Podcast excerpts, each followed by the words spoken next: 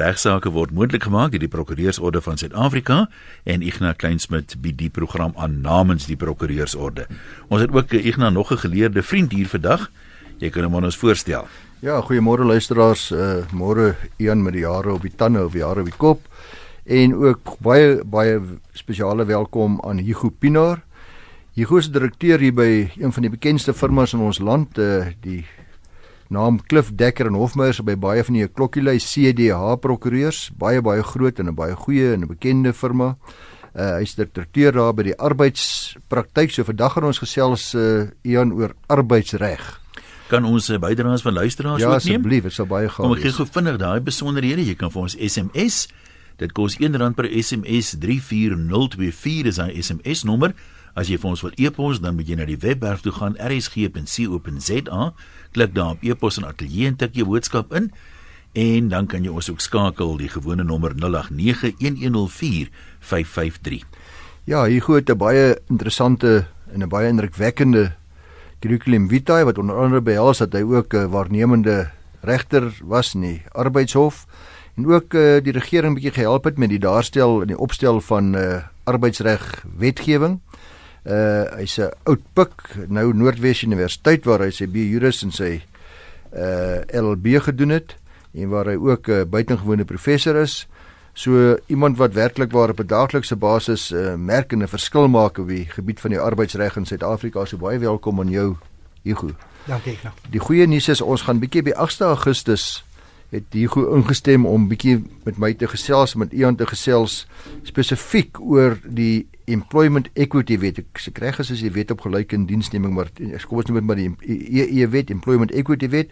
En meer in besonder Hugo wil ek met jou daai dag in detail gesels oor die beginsel van gelyke betaling vir gelyke werk. Maar miskien net ter inleiding terwyl ons wag vir luisteraars om vrae te vra terloops luisteraars julle kan vra vra oor enigiets oor die arbeidsreg afleggings uh, nakies retrenchments regstellende aksie uh, as jy wil bietjie vra vra oor arbeidsmakelaars en wat is die nuutste wat dit betref ook oor hierdie vaste termyn kontrakte die probleme van mense wat net 'n jaar of twee aan mekaar kontrakte kry hoe werk dit nou alweer uh ook beskermde stakings enigiets alles en nog wat kan iemand Intussen gaan ek dink jy vra van die hele vra praat oor van die most frequently asked questions. Ja. Wat gewoonlik dit is so gepaste benaming, maar dit is maar die vraag wat die meeste mense ook vra, né? Dis absoluut so.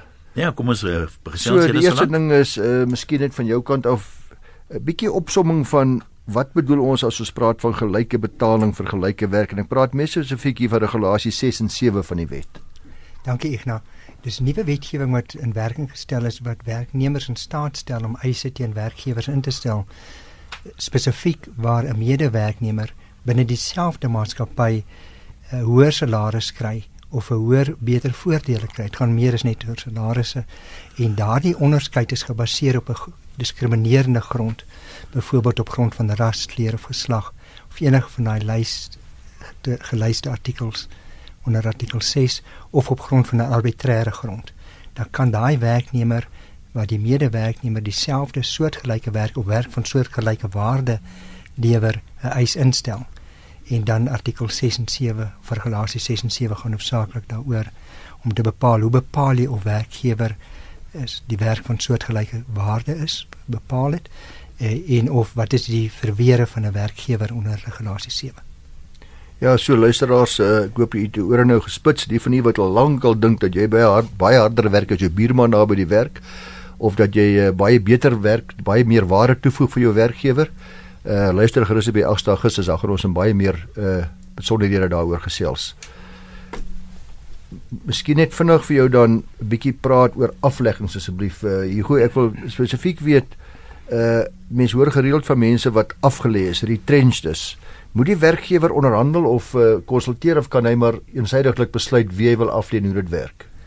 Uh, nee, ek nou artikel 189 en 189A van die Wet op Arbeidsverhoudinge is baie spesifiek oor die proses wat gevolg moet word. En dit behels in beginsel 'n proses van konsultering wat beteken die werkgewer moet vir 'n gegee tydperk met die werknemers of dan hul vakbond konsulteer en dit gaan nie net oor uh, die besluit nie, maar ook die implementering van die besluit. So die werkgewer kan nie eensydig besluit ek gaan werknemers aflê en nou net met hulle wil konsulteer oor voorbeeld oor die skeidingspakket of oor die seleksie nie. Dit gaan ook oor die besluit sodat die hmm. werknemers of hul vakbond dan in staat gestel kan word om voorstelle in hierdie verband aan die werkgewer te maak. En in watter omstandighede is dit moontlik om om af te lê? Ja, die wet omskryf dit sê kan vanweë ekonomiese, tegnologiese of strukturele redes. Ekonomies byvoorbeeld daar's 'n af, afname in die besigheid, dit gaan sleg met die maatskappy finansiëel. Struktureel, ek wil die maatskappy se struktuur verander, ek wil dit meer 'n lean and mean sogenaamde struktuur gee. Ek het minder mense nodig in bestuur en minder mense onder of tegnologies ek gaan sekere afdelings outomatiseer en op grond daarvan kan jy dan werknemers aflê. Ehm um, dit kan natuurlik enige tegnologies of of soortgelyke redes wees. Seker die belangrikste vraag uh, hier gou jy sal dit nou weet want uh, ek dink julle tree hoofsaaklik of nie wat op baie groot mate vir werkgewers op, maar die eerste ding wat die werknemer vra natuurlik uh is hoekom ek? Ja. Hoekom nie hoekom nie Pietie, Kosie, Klasie en Sunny en, en, en Maritjie nie? Hoekom hoekom ek? Uh so wat is die kriteria wat bepaal wie dan nou afgelê word? Ja, dis een van die grootste foute wat werkgewers maak Eh, deur dit hulle subjektiewe faktore gebruik en die wet is baie spesifiek dat jy kan alleenlik op grond van objektiewe grondslag iemand se diens uh, selekteer. So dit moet objektief of 'n ooreengekome kriteria wees. En objektief die een wat die meeste mense gebruik is is wat nie algemeen bekend staan is LIFO, last in first out. Ek dink die werkgewers gebruik dit eerder as like it or of you are.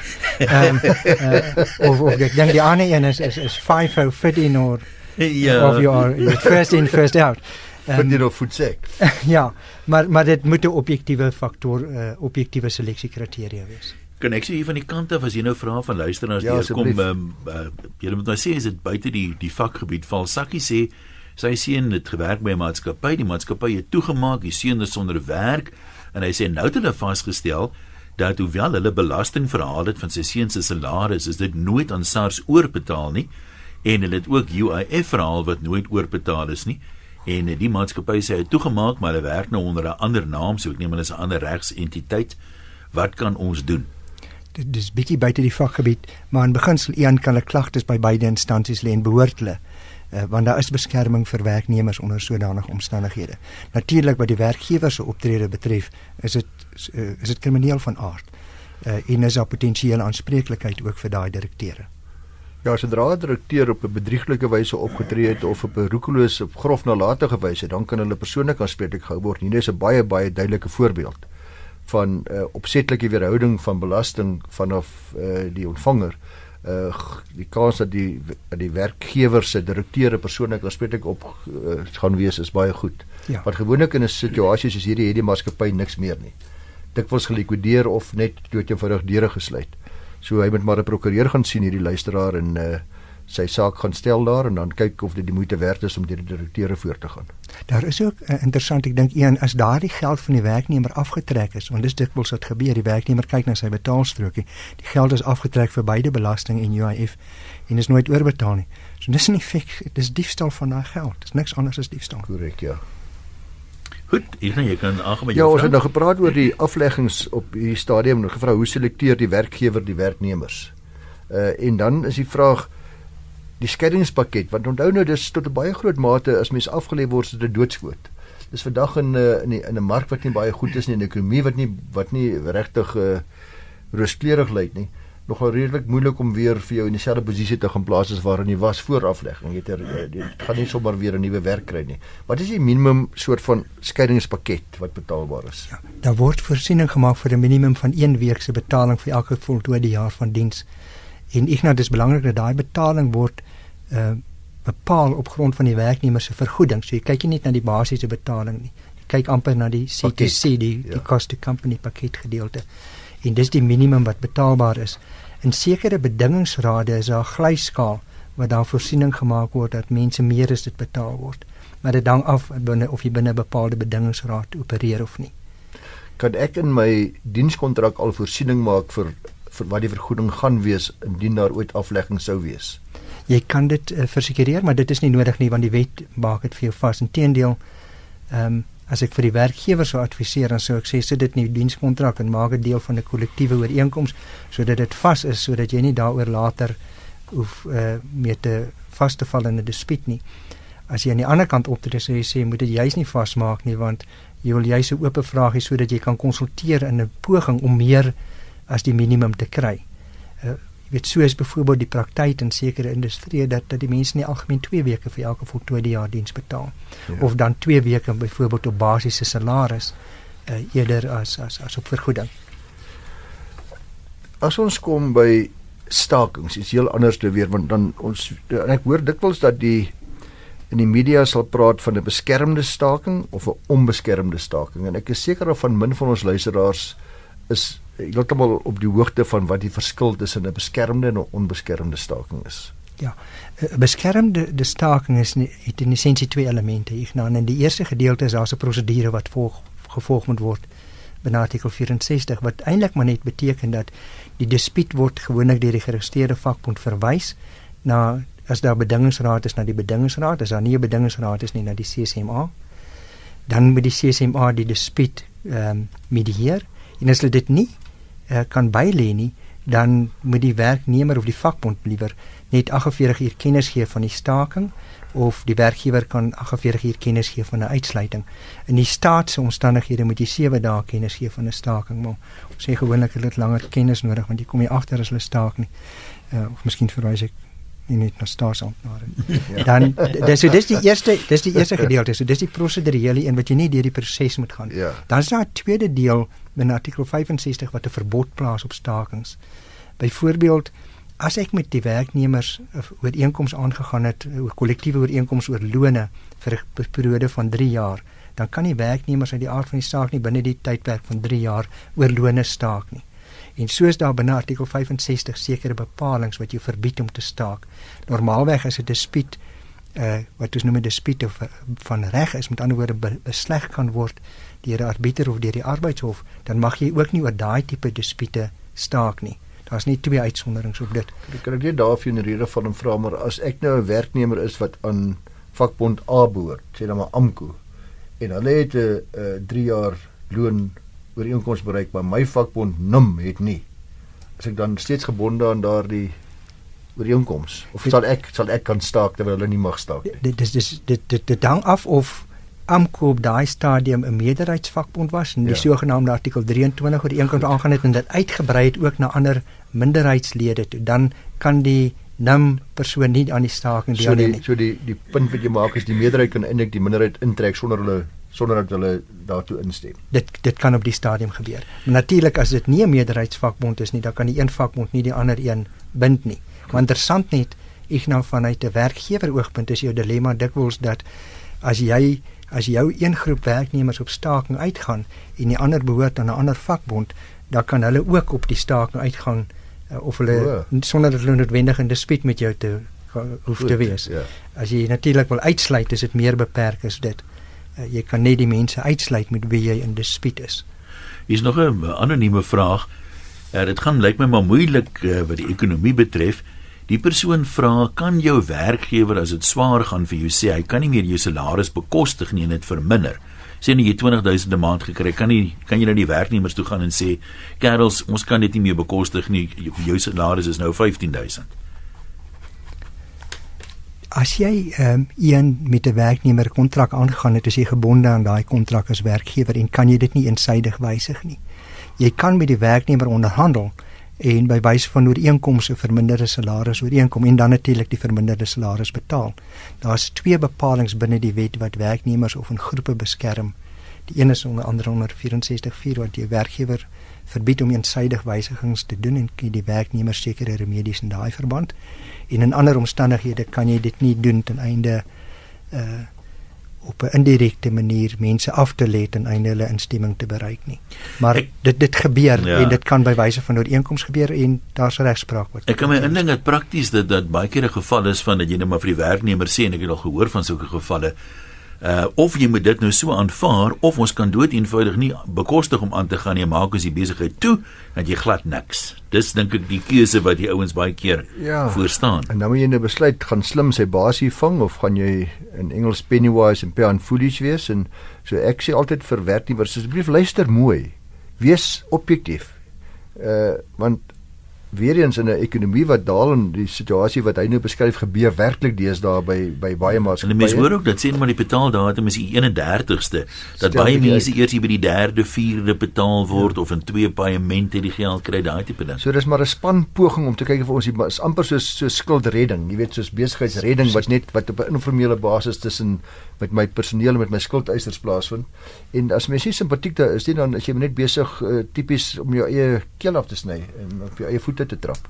Ja, ja, en dit is presies dit wat Ignas sê. Daar is die groter prentjie en jy moet dit agneem. Dit dit werk natuurlik nie as jy vir die werknemers sê dat jy kan nie hoër salarisse betaal nie. Jy is die enigste direkteur en jou vrou daag elke dag met 'n nuwe sportmotor op. Ja, en ja. Dan jy dit gebeur ook dat die oplossing daar is om jou vrou te dissiplineer regtig waar. Ja, ja sy behoort vir jou die pos te gee om jou te ry. Ek is maar 'n sleepwaandjie aan ek nog gebruik vir afleweringe. Hierdie is makliker gesê as gedoen hè. Verseker. Uh kan ons voortgaan? Ja, asseblief. Ek ons het nog gepraat oor stakings en beskermde en onbeskermde stakings. Iets wat ek graag vir jou wou vra, Hugo, is die die aanspreeklikheid van vakbondleiers waar stakings beskerm of onbeskerm hande uitdruk want daar was pragtige eh, gesaggel daaroor en en ek het al 'n paar jaar terug op hierdie program gesê dat dat die verantwoordelikhede op daai vakbondleiers is groter as wat hulle altyd heeltemal dalk besef. Uh in die sin dat daar kan ook persoonlike aanspreeklikheid opgebou word. Dit gaan nou oor sekuriteit in plek stel en orde handhaaf en al die dinge uh wat gebeur en dit is is 'n uh, moeilike toets maar dit is tog moontlik nê. Nee. Ja. Ehm um, as die staking beskermd is, dan uit die aard van die saak is daar beskerming teen siviele aanspreeklikheid vir ja. die werknemer om bloot eenvoudig verby die gemeenregtelike beginsels te kom. Vir die werkgewer. Vir die werknemer. Die werknemer kan nie aanspreek ja. en ook nie die vakbond nie as die staking beskermd is. Ja. As die staking hand uitdruk uh en daar's daar's uh, wangedrag deur werknemers kan daai werknemers natuurlik ontslaan word en uh, kan daar geargumenteer word dat jy die vakbond aanspreeklik hou. As die staking onbeskermd is, is dit baie maklik of baie makliker want daar spesifieke bepalinge binne die wet wat die werkgewer in staat stel om die vakbond aanspreeklik te hou vir jou verliese. Maar dit is interessant nou dit is nie net beperk tot verliese nie. Dit hulle gebruik eintlik uh, vers, verskillende terme. So hulle kyk na weet wat is billike kompensasie wat aan die werkgewer betaalbaar is. So is nie gelyk staan aan jou verliese nie. En dan sal hulle byvoorbeeld kyk wat is die finansiële posisie van die maatskappy? Wat die finansiële posisie van die werknemer? Was dit 'n sogenaamde induced staking, met ander woorde die werkgewer die staking veroorsaak. En natuurlik, jy weet, was daar uh, remedies hierdie werkgewer 'n interdik gekry en is die interdik geïgnoreer. En jy sal sien dat die howe toenemend begin koste ag daai tipe bevele toestaan teen vakbonde ten einde meer verantwoordelike optrede van hulle kant uh, te vereis. Mm -hmm. Want die realiteit wat ons as werkgewers ongelukkig ondervind is dat die oomblik wat die onbeskermde staking begin, is daar geen 'n lid van die geen vakbond bes, uh, ja. official wat is die amptenaar beskikbaar mm. met wie jy kan kontak maak nie en hulle fakse werk nie of hulle antwoord nie hulle foon nie. Dis 'n geweldige frustrasie. Dis 'n verlae profiel dan. Ja. So van fone gebruik. Kom ons antwoord hierdie en hopelik is dit 'n relevante ja. oproep vir ons. Hallo regsaake. Hallo, goeiemôre. Enige let goeie afsit. Uh ek dis adodem ek wil ja. net graag luister by Ignas. Wie kom maar gesels, uh, hoor jou. Okay, ehm um, as 'n maatskappy 'n pakket op die tafel gesit het, dit is nou 'n skeidingspakket en dit is aanvaar deur jou en uh, dit is goedgekeur deur jou bestuur en sê 9 maande later of 5 maande later kom hulle na jou toe terug en hulle sê vir jou maar uh, dit is afgekeur kan jy die dispuut daarop sit of nee is jy by met die met die vraag Jy ja. kan met ter opheldering iets vra as jy wil. Nee, ek, is dit 'n pakket anoniem kan ek net seker maak? Dis korrek. Is ja, dit 'n pakket wat jy aanvaar het? Ja. So dit is nie 'n vrywillige aflegging nie. En waarvoor 'n hele paar mense aansoek voorgedoen het. En dit goedgekeur is. Ja, dit is goedgekeur deur al die uh uh uh die die bemagtigdes en selfs deur sê deur die FD van hierdie maatskappy. En 5 maande later kom hulle terug en hulle sê dat daar nee, hulle kan dit nie gee nie want die maatskappy het nou kwansies nie geld nie. En ons was gesê byvoorbeeld daar is geld aan die kant gesit.